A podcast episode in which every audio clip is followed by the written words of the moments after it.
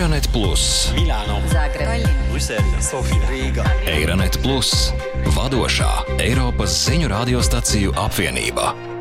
Saprast Eiropu labāk! Labdien! Mēs tiekamies kārtējā Euronet Plus Green Deal jeb zaļā kursa raidieraksta sērijā. Ziemassvētki ir tepat aiz stūra, un daudzi ir aizņemti ar mājokļu dekorēšanu un iepirkšanos. Tomēr viss, kas saistās ar Ziemassvētkiem - dāvanu papīri, lampiņas, pirotehnika un eglītes rada daudz atkritumu un būtiski ietekmē vidi. Šajā sērijā žurnālisti sarunājas ar cilvēkiem no visas Eiropas Savienības, īpašu uzmanību pievēršot blogeriem. Viņi sniedz daudz ieteikumu par to, kā mēs varam atzīmēt Ziemassvētkus ilgtspējīgāk. Sāksim ar ikonisko Ziemassvētku eglīti. Koku izmantošana rituālos un rotājumos aizsākās jau senos laikos, taču ar Ziemassvētkiem šī prakse sāka asociēties tikai 16. gadsimtā. Tagad tā ir stingri iesakņojusies Eiropas tradīcijās, un daudzi no mums Ziemassvētkus nemaz nevar iedomāties bez eglītes, kas ir izrotāta ar lampiņām un dekoriem taču tas rada daudz dažāda veida atkritumu. Pat valstī, kurā ir tikai 10 miljoni iedzīvotāju, stāsta portugāļu ekofeministe, influencere un sociālā un klimata aktīviste Joana Guerra Tadeu. Nós deitamos ao lixo 1,2 mil toneladas de pinheiros de Natal. Katru gadu mēs izmetam 1200 tonnas eglīšu. Tas ir ļoti daudz. Ja jums ir mākslīgā eglīte, gādājiet, lai tā kalpotu ilgi. Portugālē ik gadu izmet 54 tonnas lampiņu, taču mums tās vajadzētu nogādāt elektropreču pārstrādes punktos. Un ir jāatceras, ka lampiņas bieži vien var salabot, tāpēc pirms izmešanas mēģiniet tās salabot. Ja Ziemassvētku gaismiņas tomēr izmet, tad nākamreiz var iegādāties LED gaismiņas. Tās patērē par 80% mazāk enerģijas nekā citas lampiņas.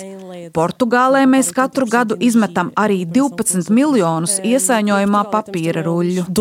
12 milhões de rolos de papel de embrulho por ano. Tiem, kuri Ziemassvētkus nevar iedomāties bez īstas eglītes savā viesistabā, derētu ņemt vērā dažas lietas pirms eglītes iegādes.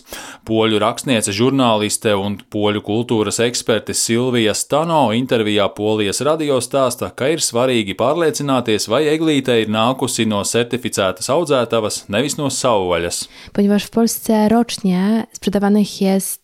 Tā kā Polija katru gadu pārdod aptuveni 5 miljonus eglīšu, mēs varam pārliecināties, ka tas nāk no audzētavām. Citiem vārdiem sakot, ka eglītes ir audzētas vietā, kur netiek ietekmēta dzīvā daba. Otrakārt, tai ir jābūt audzētavai, kas atrodas tuvu mums, tāpēc eglītē nav jāmēro tāls ceļš, un tas zināmā mērā arī samazina oglekļa pēdas nospiedumu. Trešais risinājums ir Ziemassvētku eglīte, ko var pārstādīt. Šķiet, ka tas ir ideāls risinājums. Mēs varam aizņemties eglīti Ziemassvētkiem un pēc tam to atdot atpakaļ, pārstādīt to. Tomēr eglēm ir sakņu sistēma, ko podiņā ļoti bieži sabojā, tāpēc kociņu vairs nevar atkārtot iestādīt. Tādēļ ir jāpārliecinās, ka Ziemassvētku eglīte ir uzreiz iestādīta podā un tai ir neskarta sakņu sistēma. i ma cały system korzeniowy. Tomēr Alins Mošs, kurš vada Apuseni Nacionālo parku, sarunā ar kolēģiem no Rumānijas radio brīdina, ka Ziemassvētku eglīšu pārstādīšana viņa pārvaldītajā mežā nebūtu laba ideja. Gluži pretēji, ja koks nāk no cita reģiona, tas var pat radīt draudus. Ghiveci Ja mēs precīzi nezinām, no kurienes nāk šie podos iestādītie koki, un mēs tos atvedam uz aizsargājumu teritoriju, gribēdam izdarīt labu darbu un iestādīt tos tur, lai tie veicinātu šī meža nostiprināšanos, ja tie ģenētiski nāk no citurienes, var gadīties, ka ar laiku, un šeit mēs runājam par gadu desmitiem vai simtiem, tie veicinās vietējā genofonda vājināšanos. Tāpēc no šī viedokļa mums vismaz pašlaik ir jābūt piesardzīgākiem, uzmanīgākiem. Vai tas nozīmē, ka tiešām labāk ir izvēlēties mākslīgo Ziemassvētku eglīti? Mūsu igauņu kolēģis no Radio Kuku to jautāja atkritumu samazināšanas ekspertei Līsai Āvikai. see eh, kuusk, jõulukuuse teema on iga aasta. Ko labāk izmantot, mākslīgu vai dabīgu Ziemassvētku eglīti? Abām ir savi plusi un mīnusi. Ja jums mājās jau ir mākslīga eglīte, tad to noteikti vajadzētu izmantot. Parasti mums ir īsta eglīte, bet tad mēs izmantojam padomju laiku rotājumus un dažus pat no Igaunijas Pirmās republikas laikiem. Tāpēc mēs izmantojam rotājumus, kas mums jau ir mājās, un necenšamies sekot tendencēm katru gadu pērkot jaunus rotājumus. mis on olemas kõike saab teha. Un mēs visi zinām, ka nekas nav stilīgāks par retro dekoru. Bulgāru ekoblogere un ilgspējīga dzīvesveida influencere Rāda Boneva piebilst, ka ir arī videi draudzīgi veidi, kā gadu no gada atsveidzināt savus Ziemassvētku rotājumus. Visi manis izmantotie Ziemassvētku rotājumi ir bulgāru mākslinieku roku darbs. Pārējos rotājumus es labprāt darinu pati, izmantojot piemēram kaltētus apelsīnus apelsīnus vai parkā atrastus zariņus, kā arī no dabīgiem materiāliem izgatavotus galdautus, kas paspildina manu dekoru. Ir tik daudz iespēju. Ir svarīgi, lai mēs rīkotos atbildīgi un ilgtspējīgi. Mūsu ziņā ir saglabāt dabu. Šim viedoklim piekrīt arī vācu blogere Monika Gomerta, kura, gatavojoties Ziemassvētkiem, ņem vērā trīs galvenos principus. Mums ilgtspējīga ideja Ziemassvētkiem ir atkārtot izmantot lietas no iepriekšējiem gadiem. Pirms dažiem gadiem mēs ieguldījām daudz pūļu, lai izgatavotu adventas kalendārus bērniem, bet tagad mēs katru gadu tos izmantojam no jauna, vienkārši atkārtoti piepildot maisiņus, lai katru reizi nebūtu jāgatavo jauni kalendāri. Un sveces, ko liekam adventas vainagā, nekad vienā sezonā neizdeg, vienmēr kaut kas paliek pāri. Tāpēc pirms mēs iegādājamies četras jaunas sveces, mēs izmantojam iepriekšējā gada sveces, līdz tiešām nekas vairs nepaliek. Tomēr rotājumi nav vienīgā lieta, par ko ir vērts padomāt. Arī mirgojošās lampiņas, kas rotā gan sabiedriskās ēkas, gan privātmājas, patērē daudz enerģiju, bet tas rada ievērojamas izmaksas un būtisku ietekmi uz vidi, stāsta Eiropas parlamenta deputāts no Rumānijas Julio Vinklers. Eu cred că trebuie să ne gândim la economii, pentru că... Mums ir jādomā par ietaupījumiem, jo situācija, kādā mēs esam, ir patiešām bezprecedenta. Ņemot vērā milzīgos elektrības rēķinus un izdevumus, kas mums ir jāracionalizē. Es to saku no privātpersonas vai ģimenes viedokļa, kas pieņem noteiktus lēmumus saistībā ar svētkiem. Taču ir vajadzīga arī ekonomija, racionalizācija no sabiedrības viedokļa. No otras puses, tie svētki, Ziemassvētki, nav katru mēnesi, tie ir tikai reizi gadā. Tāpēc ir saprotams, ka pašvaldības vēlas īpaši atzīmēt šo laiku. No otras puses, ir saprotama arī vēlme izvērtēt, cik tas ir nepieciešams. Protams, pēc rotāšanas nāks vinēšana, un tā mēs nonākam pie dāvanām, dāvanām un vēl vairāk dāvanām.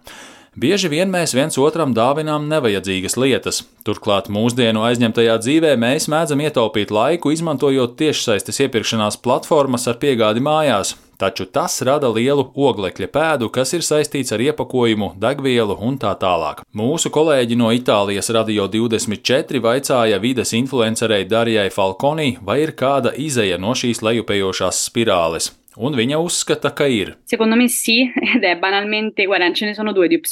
Manuprāt, jā, un būtībā ir divas iespējas. Vai nu neapmainīties ar dāvanām vispār un vienkārši pieņemt, ka Ziemassvētkos ir svarīgi atzīt, cik mums ir paveicies, un būt pateicīgiem katru dienu par to, kas mums ir un kas mēs esam, par to, ka dzīvojam šajā pasaules daļā un par iespēju atkal apskaut vienam otru. Tas varbūt izklausās banāli aktuāli, bet es ceru, ka pēc Covid cilvēki ir sapratuši, cik svarīgi ir neko neustvert kā pašsaprotamu.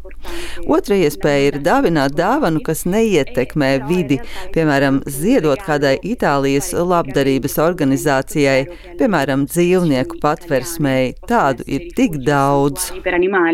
Un visbeidzot, lietuviešu blogere Ieva Dolija izceļ vienu no iespējams mazāk acīm redzamajām mūsu Ziemassvētku svinēšanas sekām, norādot uz milzīgajiem pārtikas atkritumu kalniem. Viņa aicina mūs visus Ziemassvētku svinību centrā likt cilvēkus nevis ar ēdieniem pilnu galdu. Pirmiausia, man atrodo, plānoti ir organizēti. Pirmkārt, es domāju, ka plānošana un organizēšana iespējams ir vissvarīgākā lieta. Kā jau tas ir ar visu. Ir svarīgi par to sākt domāt jau agrāk, lai pēdējā brīdī nebūtu jāskrien pa veikaliem. Var gadīties, ka pēdējā brīdī lielveikalā nevarēs atrast kādas lietas. Man tā ir gadījies. Un, ja jums neizdosies kaut ko pagatavot tā, kā bijāt plānojis, jums patiešām būs ēdiena pārpalikumi. Svarīgākais, ko vajadzētu atcerēties, ir tas, kas patiesībā ir svētki. Ne tikai dāvanas, ne tikai ēdiens, tas vairāk ir par kopā būšanu.